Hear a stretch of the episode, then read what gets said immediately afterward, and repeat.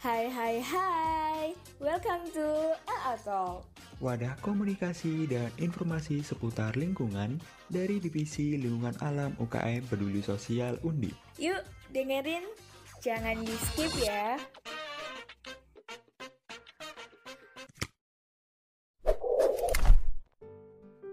Hai, welcome back to LA Talk episode 5. Dan seperti biasa, kali ini saya juga nggak sendirian. Di sini aku bareng Farel. Halo Farel. Halo Ica dan teman-teman pendengar setia LA Talk. Aku sapa dulu ya mungkin. Uh, selamat pagi, selamat siang, selamat sore, dan selamat malam buat pendengar semuanya. Semoga kalian uh, dalam keadaan sehat selalu, apalagi udah memasuki musim hujan ya, bisa lebih dijaga gitu kesehatannya. Kalau kalian sakit, siapa yang nyakitin doi gitu? Aduh. Bener banget, Rel. Di musim hujan kayaknya rawan banget kena flu ya. Jadi buat teman-teman semua, uh, jangan lupa kalau yang aktivitasnya cukup padat, jangan lupa minum vitamin. Karena menurut aku vitamin itu penting banget gitu buat uh, jaga daya tahan tubuh kita semua gitu. Pada episode kali ini kita akan membahas tentang uh, skincare. Skincare yang kita tahu pasti ya buat kecantikan gitu ya Rel. Lalu uh, sebenarnya apa sih skincare ini kalau kita hubungin dengan masalah lingkungan gitu ya Rel. Dan gak tanggung-tanggung di LA Talk kali ini kita bakalan ngehadirin sosok yang bisa dikatakan skincare enthusiast gitu Rel. Keren banget gak sih? Nah, benar banget. Kita panggil aja nih. Halo, Kak Malika. Halo, Farel, Ica. Aku kenalin diri aku dulu ya, BTW ya. Um, halo teman-teman pendengar semuanya. Kenalin, aku Malika. Aku dari jurusan Teknologi Rekayasa Otomasi dari Sekolah Vokasi Angkatan 2019. Salam kenal semuanya aku kan emang latarnya uh, dari teknik ya cuman aku harap di podcast kali ini aku bisa sharing-sharing juga sih sama teman-teman soal gimana antusiasnya aku sama skincare atau kita ngebahas isu yang lain nantinya Oke, nah uh, dari mana pun latar belakang kita, mungkin uh, di podcast kali ini kita sama-sama belajar begitu tentang uh, pokok bahasan kita uh, yang mana akan membahas tentang skincare. Nah, mungkin uh, ini nanti pendapat uh, murni dari Kak Malika, terus kalau ada yang beda juga uh, dipersilahkan gitu, kita saling belajar di sini. Oke, nanti kita santai aja Kak, kita ngobrol-ngobrol seru. Uh, mungkin mulai dari ini dulu deh, uh, bahasan basicnya aja. Uh, skincare uh, menurut Kak Malika itu apa sih? Kalau menurut aku skincare itu sendiri sih kayak udah jadi bagian apa ya dibutuhkan sih sama aku sendiri dan mungkin dibutuhkan sama teman-teman semua gitu. Berupa ya rangkaian produk-produk gitu yang bisa kita pakai buat merawat kulit kita sendiri gitu sebagai bentuk self care kita juga gitu. Sehingga kita punya kulit ya tetap sehat gitu tetap bisa dijaga terus karena kita kan tiap hari juga ya pasti punya banyak aktivitas yang beragam ya terus juga selalu kayak kena paparan lingkungan yang bisa merusak kulit gitu nah dengan adanya produk-produk skincare itu yang bisa kayak menutrisi kulit, membersihkan kotoran, kita bisa ngejaga kulit kita tetap sehat gitu sampai nanti kita tua. Oke, kurang lebih aku juga sependapat sih kak, karena emang bener banget ya nggak sih kak, dan uh, ini nih dari kalau kita denger skincare, itu tuh pasti selalu dihubungin ke perempuan gitu nggak sih kak, tapi ternyata sebenarnya skincare juga uh, para lelaki juga perlu nggak sih kak?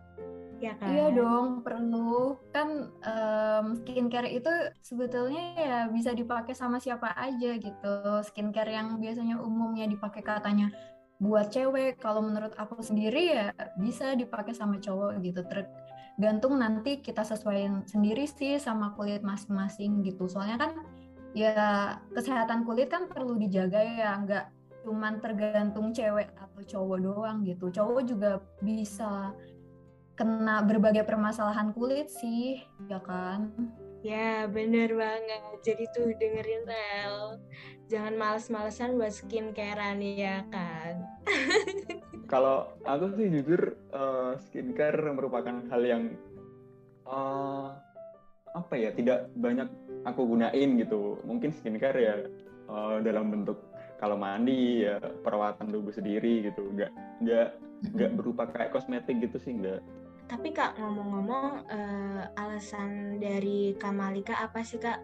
Kak kalau Kamalika itu tertarik ke permasalahan atau dunia skincare ini kak? Jadi alasan aku um, sebetulnya ini sih awalnya ya pasti um, aku pakai skincare sih lebih karena aku pengen ngerawat kulit aku ya sama ya kadang kan aku juga punya permasalahan kulit itu kayak ada jerawat gitu, komedo gitu kan, ya wajar sih karena masih remaja juga gitu kan, hormonnya juga masih nggak stabil. Nah, um, pas habis pakai skincare itu kayak ya pasti ngerasa mungkin permasalahan-permasalahan kulit yang aku punya tuh kayak uh, ngilang semua gitu. Jadi kulit tuh kayak berasa lebih glowing, lembut gitu kan.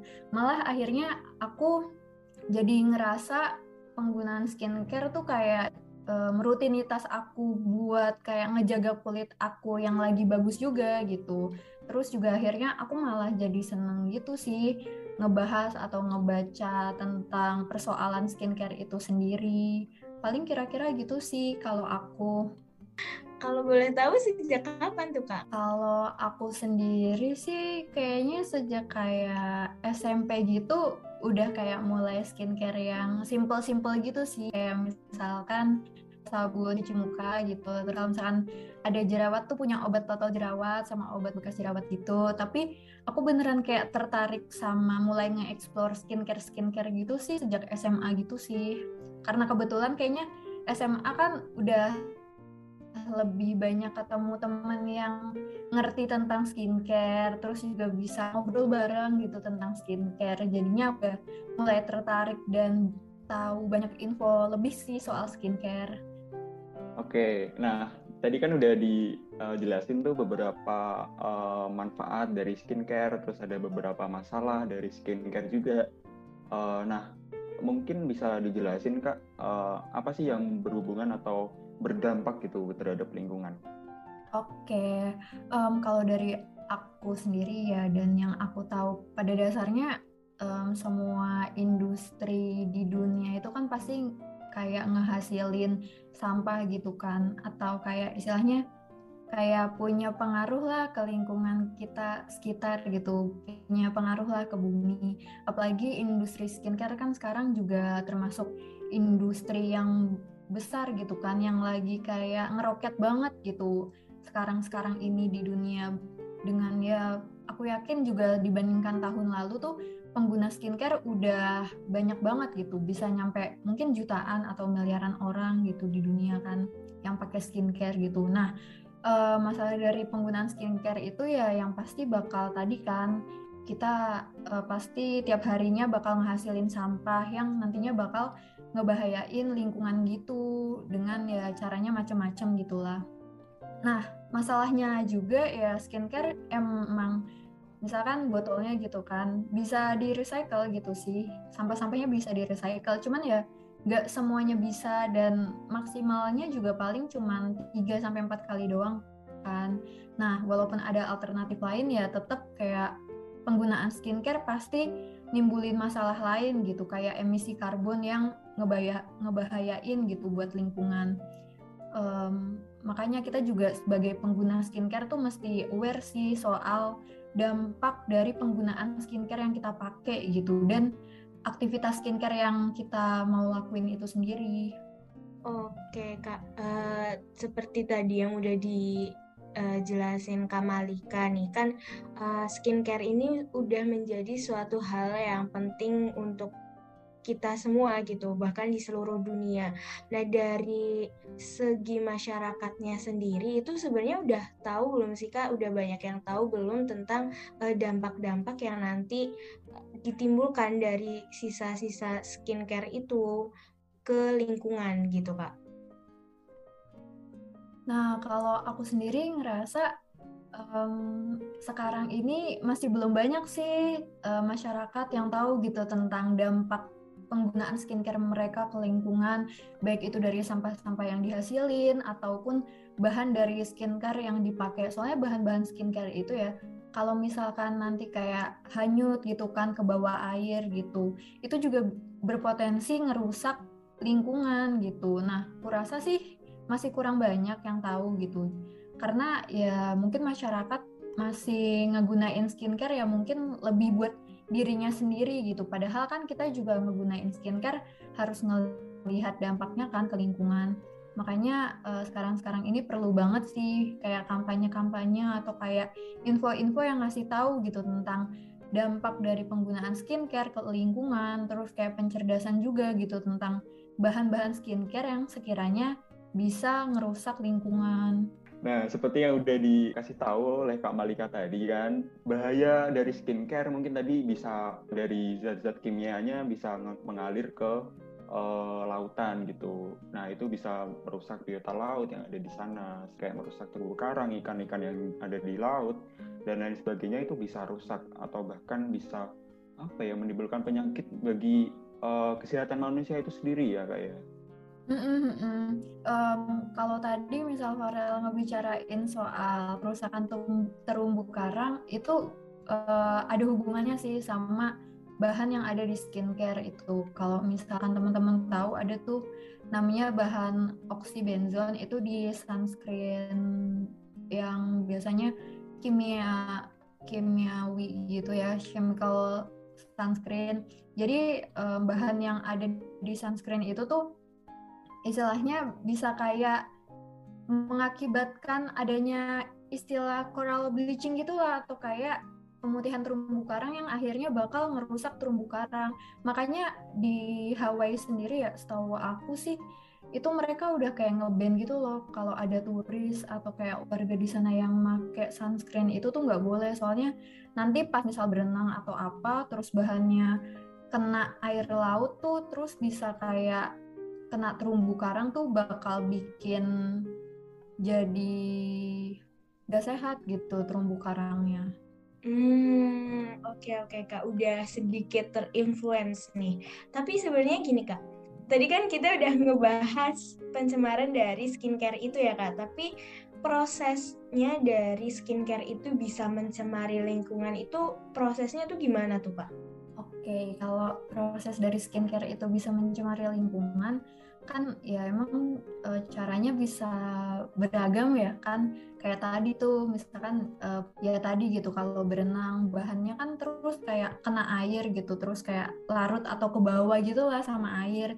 Itu terus kayak kena tumbuhan lain gitu, terus tumbuhannya jadi pada mati, jadi pada nggak sehat terus bisa juga tuh dari face wash yang kita gunain gitu bahan-bahan yang misalkan ada yang berbahaya itu kan misal masuk ke pipa gitu terus kayak nanti kena kena uh, misal tumbuhan atau hewan terus pada mati itu bisa sih kayak gitu. Terus juga kayak misalkan sampah-sampah itu kan ya kalau misalkan dibakar juga pasti uh, bakal ada polusi udara juga gitu. Apalagi kalau misalkan di produknya itu kayak ada yang berbahaya lah buat dihirup.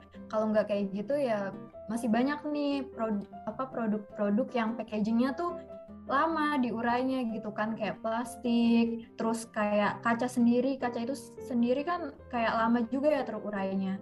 Kalau misalkan nanti dibuangnya ke laut atau kayak misalkan nggak ada tempat yang proper gitu kan bisa jadi kayak penumpukan sampah juga ya mencemari lingkungan juga. Nah, uh, tadi kan udah dibahas nih uh, permasalahan atau dampak-dampak yang berdampak terhadap lingkungan gitu. Nah, kalau dari sisi uh, dampak yang mengarah ke, manusianya uh, itu ada gak kak? Oh ada dong pasti dari penggunaan skincare juga. Kalau kita lihat ya dari misalkan bahan-bahan yang ada di skincare itu bahan-bahan kimia gitu kan, itu juga uh, di tiap orang gitu dampaknya beda-beda. Bahkan masih ada juga loh produk yang istilahnya kayak bahannya itu sebetulnya bisa berdampak buruk gitu loh bagi kesehatan manusia gitu. Kalau misalkan dikonsumsi jangka panjang gitu mungkin kayak kita dengar kayak istilah misal paraben gitu terus kayak pengawet buatan gitu kan. Terus misalkan SLS gitu itu beberapa bahan itu tuh kayak beberapa research sih bilang kayak bahan-bahan itu bisa mengganggu hormon atau kesehatan tubuh lah kalau dikonsumsi dalam jangka lama atau dengan takaran yang itu yang nggak sewajarnya gitu. Terus juga tiap orang kan reaksi kulitnya beda-beda ya kalau kena skincare. Bisa jadi uh, beberapa orang nggak cocok produk tertentu, terus jadi cepat kemerahan, iritasi gitu. Bahkan bisa kayak yang parah bisa nyampe ngelupas kulitnya, melepuh itu ada loh kan yang bahan-bahan kayak gitu makanya ya um, kita mesti kayak itu sih searching-searching juga gitu produk-produk dengan bahan yang ada di dalamnya tuh kira-kira berpotensi apa aja sih buat tubuh kita Oke, tadi udah disinggung nih tentang uh, apa ya paraben yang penggunaan yang uh, terlalu banyak dengan kadar yang terlalu banyak itu dapat uh, bahaya gitu terhadap tubuh kita. Nah, tapi kita bukan menakut-nakuti uh, pendengar atau ya. Kita cuma memberikan informasi uh, bagaimana paraben yang uh, digunakan dengan kadar yang begitu banyak itu dapat berbahaya bagi tubuh manusia. Nah, aku pernah uh, bukan pernah sih uh, apa ya? Tadi juga sempat cari-cari uh, gitu di internet uh, apa ya terkait terkait dengan penelitian pada tahun 2004 itu dari ilmuwan Inggris yang bernama Philippa de Derbre. Uh, dia menemukan uh, jejak-jejak paraben uh, dalam jaringan tumor kanker uh, parude, pa, payudaranya gitu. Nah, uh, hal ini menjadi itu menjadi booming gitu, menjadi heboh di kalangan masyarakat karena uh, dipikirnya paraben ini dapat memicu uh, kanker payudara gitu. Padahal dalam penelitiannya itu tidak disebutkan secara jelas atau diberikan kesimpulan bahwa paraben ini ini dapat memicu uh, tumor kanker tersebut gitu. Nah, uh, ketika mendengar uh, berita tersebut, peneliti ini langsung uh, apa ya memberikan klarifikasi atau uh, statement gitu ke masyarakat bahwa uh, penelitiannya tidak sampai membahas tentang atau menyimpulkan tentang uh, paraben itu sebagai uh, apa ya sebagai pemicu gitu adanya tumor kanker payudara gitu. Nah uh, hal ini juga uh, apa ya mungkin jadi ketakutan masyarakat itu sendiri ya uh, uh, ketakutan akan menggunakan uh, skincare untuk tubuhnya. Padahal itu tidak uh, kalau di Indonesia menurutku tidak sebahaya itu karena Bepom sendiri sudah sudah melegalkan ya, ya kak ya, sudah melegalkan uh, dan apa ya jika tidak terlalu banyak kadar yang digunakan ya itu tidak berbahaya bagi tubuh gitu. Penjelasan menurut ahlinya seperti itu katanya. Begitu. Nah, seperti yang udah dijelasin sama Kak Malika tadi juga ada beberapa apa ya? Uh, paraben ini tidak tidak semuanya uh, berbahaya atau tidak semuanya uh, diperbolehkan gitu. Uh, menurut BPOM sendiri ada uh, beberapa peraturan itu berdasarkan dari peraturan uh, eh, EU. Uh, di antaranya ada beberapa paraben seperti isopropil paraben, isobutyl paraben, benzyl paraben, pentil paraben, dan penil paraben yang tidak uh, diperbolehkan atau dilarang uh, digunakan di Indonesia. Itu juga berlaku di uh, Eropa dan negara-negara lainnya gitu sih kak. Iya, aku pernah dengar juga sih soal yang research tentang itu gitu ya. Um, maksudnya ya memang kalau misalkan soal bahan-bahan di produk skincare itu gampang juga sih kayak uh, dipakai buat memprovokasi orang-orang juga sih. Kalau misalkan ada kayak berita nggak benar atau berita yang dipelintir gitu kan tentang research research ini gitu.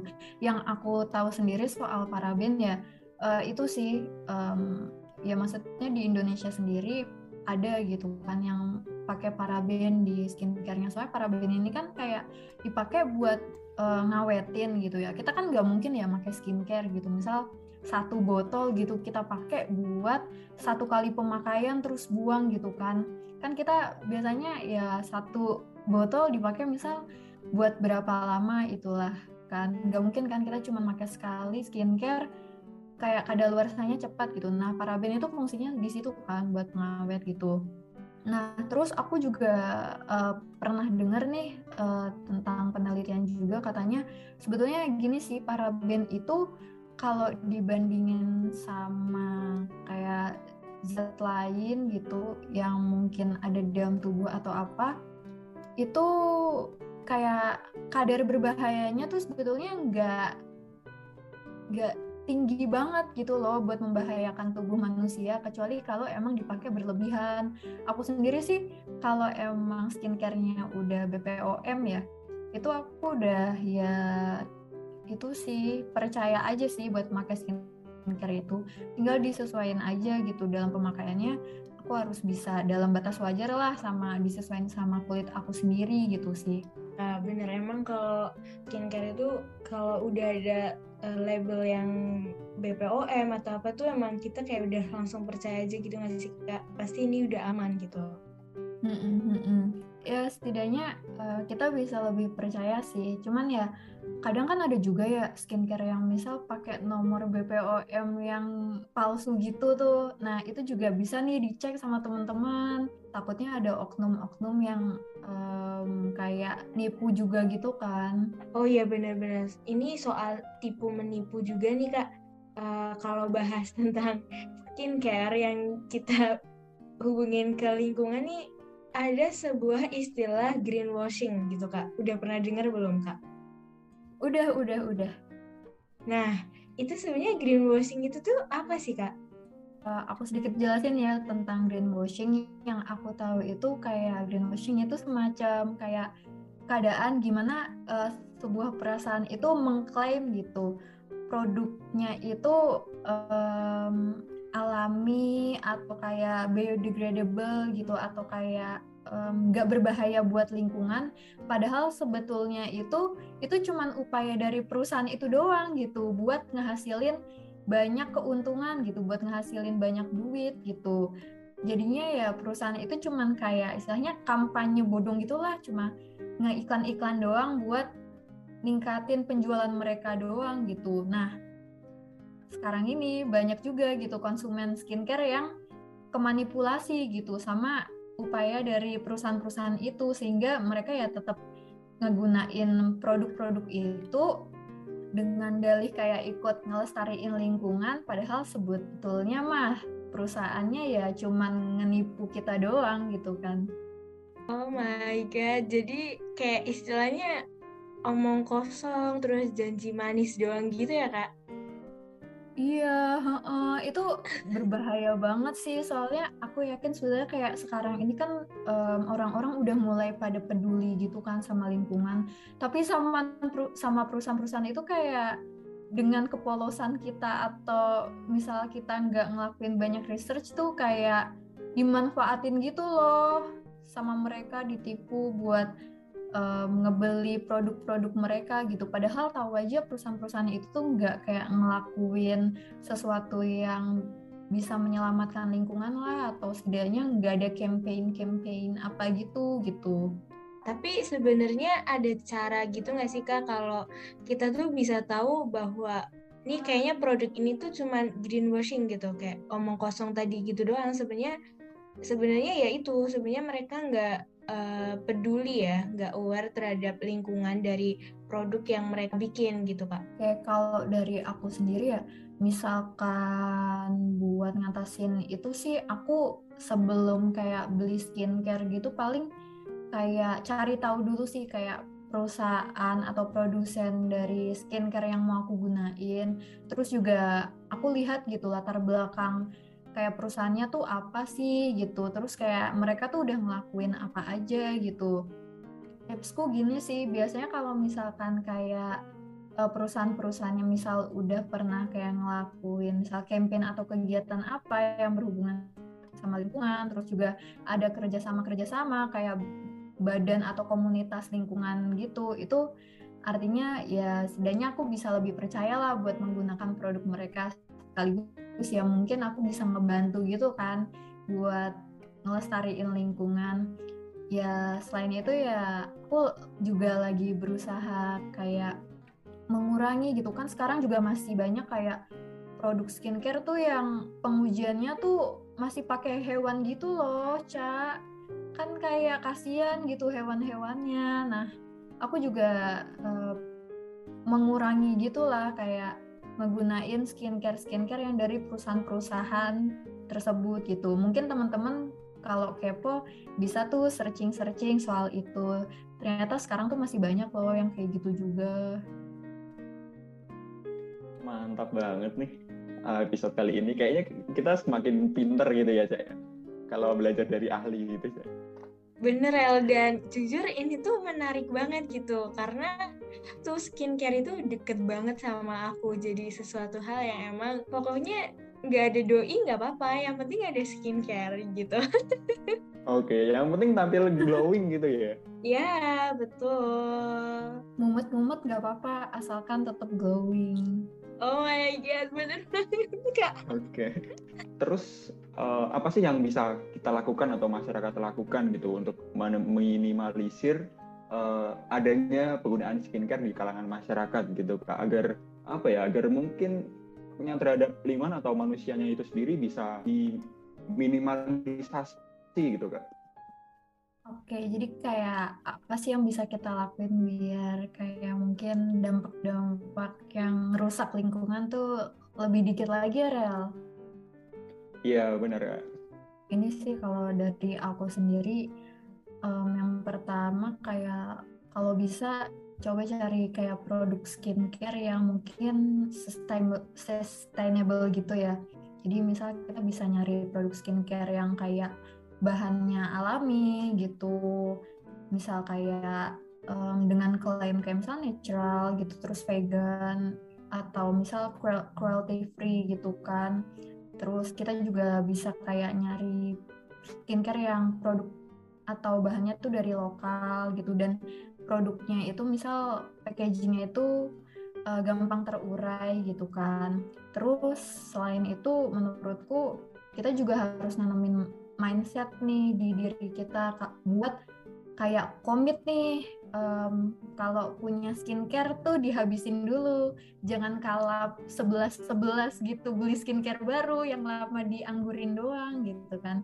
Soalnya ya itu bisa kayak ngehasilin sampah juga kan ke lingkungan. Jadi akhirnya kita ya mesti ngurangin lah kayak belanja berlebih gitu gitu. Cuman kita beli yang kita kira-kira butuh-butuh aja gitu. Yang kita ingin mungkin ya kita bisa masukin wishlist dulu aja lah. Terus menurutku buat packaging packaging yang bisa dipakai lagi gitu di reuse pakai aja. Kadang kan ada tuh kayak misal aku sendiri pakai tuh ada uh, packaging skincare dari gelas aku pakai buat vas aku pakai buat kayak tempat stationery gitu. Terus juga kita bisa sih mahamin kayak bahan-bahan skincare itu sendiri juga gitu. Kita um, bahan-bahan skincare yang sekiranya dampak buruknya ke lingkungan itu minim lah gitu. Jadi ya kita ngejaga diri kita sendiri tapi juga kita harus bisa ngejaga lingkungan di sekitar lah. Terus juga kalau bisa sih ngurangin ini sih rel ngegunain produk yang kayak pemakaiannya satu kali doang gitu. Kayak kapas kan kapas biasanya dipakai misal sekali doang tuh kalau misal pakai toner gitu kan atau produk apa. Nah itu tuh kalau sekarang-sekarang ini banyak juga kapas tuh yang bisa dipakai berulang kali gitu tinggal dicuci doang. Itu sih bisa jadi alternatif bagus juga buat ngurangin sampah. Aku juga tadi ada info nih kak. Uh, hasil searching searching gitu ya kak Jadi sebenarnya uh, sekarang ini, udah ada bisa dikatakan itu kayaknya sebuah aplikasi gitu ya kak namanya Insight Coder di mana di situ istilahnya bisa dibilang kayak kamus ingredientsnya kosmetik gitu di situ kita bisa uh, tahu nama-nama ingredients yang ada di suatu produk kosmetik lah atau skincare gitu. Nah ini tuh bisa dikatakan aman atau enggak. Nah di Insight Coder ini kita bisa dapat informasi itu gitu. Jadi mungkin ke teman-teman pendengar LA Talk ini bisa mulai menggunakan itu untuk mengetahui ingredients-ingredients yang ada di kosmetik atau skincare yang kita pakai gitu. Apakah aman atau enggak ke lingkungan ataupun ke diri kita gitu. Dan kalau boleh tahu nih Kak, sebenarnya bagaimana cara kita bisa menyeimbangkan skin, maksudnya skincare kita tetap jalan tapi kita juga nggak memperburuk ke lingkungan gitu kak. Kalau dari aku sendiri sih paling karena kita kan lebih kayak penggunanya gitu ya ya pasti kita harus banyak-banyak baca sih soal kayak tadi gitu kan bahan-bahan di skincare. Jadi kita juga bisa lebih bijak lah bisa lebih kayak hati-hati gitu buat beli skincare yang bakal kita gunain gitu sih. Terus juga menurutku kalau misalkan hubungannya sama lingkungan juga ya ini sih um, kalau misalkan kita ada info apa nih tentang kayak skincare atau tentang suatu hal yang misalkan bisa dampaknya merusak lingkungan gitu, kita kayak kasih tahu aja ke teman-teman gitu, sharing-sharing gitu, supaya ya jangan sampai kita tahu nih ada orang lain salah gitu kan, misalkan dia pakai skincare-nya masih yang kayak um, sampahnya banyak banget gitu, belum kayak mikirin banget tentang lingkungan kita kayak sama-sama ingetin kayak belajar bareng aja gitu biar kita ya jangan cuma ngelakuin sendiri lah tapi ngelakuinnya bareng gitu sama orang-orang yang sekiranya kita sayang juga gitu asik. Cakep nih. Lagi nih kak lagi. Uh, sebenarnya aku juga sih kayak uh, bukan dari bahan-bahannya aja gitu tapi barang-barang yang sisa-sisa kayak kita udah make dan udah habis gitu kosong karena ini tuh sebaiknya kita buang aja atau kumpulin terus nanti kita salurin ke sebuah lembaga yang emang menaungi barang-barang hasil dari uh, skincare atau kosmetik itu kak. Dan ada nggak sih sebenarnya di Indonesia? Di Indonesia ya atau mungkin di Semarang atau di kota-kota besar yang bisa menaungi eh, sisa-sisa kosmetik itu loh Kak supaya bisa kayak terdaur ulang ataupun kayak bisa dimanfaatkan kembali gitu dengan baik. Nah, kebetulan banget nih, Cak. Ini bukannya mau promosi ya, aku sharing-sharing aja sih ke teman-teman. Karena aku kebetulan pernah juga sih kayak nge kayak ngirim sampah-sampah bekas skincare aku atau bekas penggunaan aku ke lembaga ini bisa dicari namanya Waste for Change. For-nya itu pakai empat ya, Waste 4 Change. Itu jadi dia kayak mungkin apa ya, semacam lembaga atau perusahaan gitu yang bisa ngasih solusi buat pengelolaan sampah yang kita punya gitu. Nanti bisa dicek sendiri, nanti kayak paling dari kita sendiri kayak ngirim gitu sih ke perusahaannya. Nanti dari perusahaannya itu bakal di recycle nih sampah-sampah kita jadi um, hal yang bermanfaat atau kayak setidaknya nggak menumpuk dan membahayakan lingkungan gitu. Terus juga aku punya apa info juga gitu. Aku pernah dapat info gitu kalau misalkan sebetulnya kayak sampah atau misalnya kayak misalkan skincare atau makeup kita yang udah nggak kepake itu tuh masih bisa gitu digunain sama orang lain atau diri kita sendiri tuh buat um, hal lain gitu. Misalkan buat diri kita sendiri ya misal kita nggak cocok nih sama skincare kayak micellar water nih. Biasanya tuh aku pakai micellar water akhirnya buat ngebersihin casing HP itu bisa atau kayak ngebersihin apa gitu yang barang-barang gitu. Terus juga kalau makeup ya kalau nggak kepake itu tuh um, ada beberapa kayak komunitas gitu atau beberapa orang yang ngumpulin makeup nggak kepake itu buat di, apa ya dipakai buat ngehias jenazah gitu kan. Kan itu akhirnya kita kayak daripada ngebuang masih bisa kepake gitu kan buat orang lain ya intinya kita bisa cari-cari aja info itu sih di internet gitu. Mungkin sebenarnya apa yang bisa kita rubah nih dari bahan-bahan uh, mungkin bisa dikatakan kimia bisa kita ganti ke bahan yang alami. Cobalah ya nggak sih kak? Kita mulai ganti pelan-pelan uh, bahan-bahan yang tadi kita bilang kayak berbahaya ke lingkungan bisa kita kalau bisa kita rubah ke bahan yang alami kenapa enggak gitu. Oke. Okay. mungkin uh, ada nih closing statement dari kak Malika terkait dengan apa yang kita bahas kali ini gitu. Silahkan kak. Oke.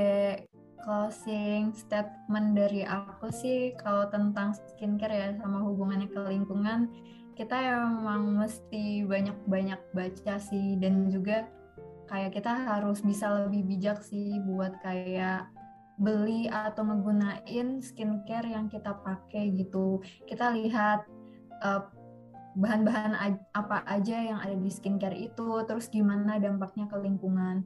Jangan sampai kita ngebeli barang tapi kita nggak tahu gitu seterusnya tuh dampak apa gitu yang bakal dirasain oleh lingkungan itu sendiri gitu terus juga menurutku sih ya bijak itu bukan cuma dari yang melihat kandungannya juga tapi kita juga harus itulah uh, komit ke diri kita sendiri gitu buat ngegunain barang seperlunya aja gitu. Ngegunain skincare jangan berlebihan yang kayak semuanya pengen diembat gitu. Ya paling itu sih kita belajar bareng-bareng ya teman-teman biar kita sama-sama bisa lebih peduli dan lebih sayang sama lingkungan lagi gitu. Skincare jalan peduli lingkungan jalan gitu. Ya benar banget. Jadi emang harus balance gitu ya kak. Dan gak berasa banget nih Kak Malika karena obrolan kita seru banget ya dari awal sampai saat ini. Sebenarnya masih banyak pertanyaan yang pengen aku tanyain sih. Cuman uh, kita terbatas dengan waktu dan makasih Kamalika udah meluangkan waktunya ngobrol bareng kita jujur seru banget Ya, okay. thank you Farel sama Ica nih udah ngajak aku ngobrol-ngobrol dari tadi. Aku sendiri seneng banget sih bisa ngobrol dan sharing-sharing juga soal skincare karena aku juga kayak emang dasarnya kayak seneng aja gitu tentang skincare skincare gitu sih seneng sih kalau bisa kayak um, sharing juga sama teman-teman LA Talk juga gitu tentang skincare dan ya tentang lingkungan ini. Untuk menutup episode dan season kali ini, mungkin aku bisa pantun dulu boleh ya? Boleh dong. Jalan-jalan ke kota Kediri, jangan lupa beli oleh-olehnya. Farelica pamit undur diri. Sampai jumpa di season selanjutnya.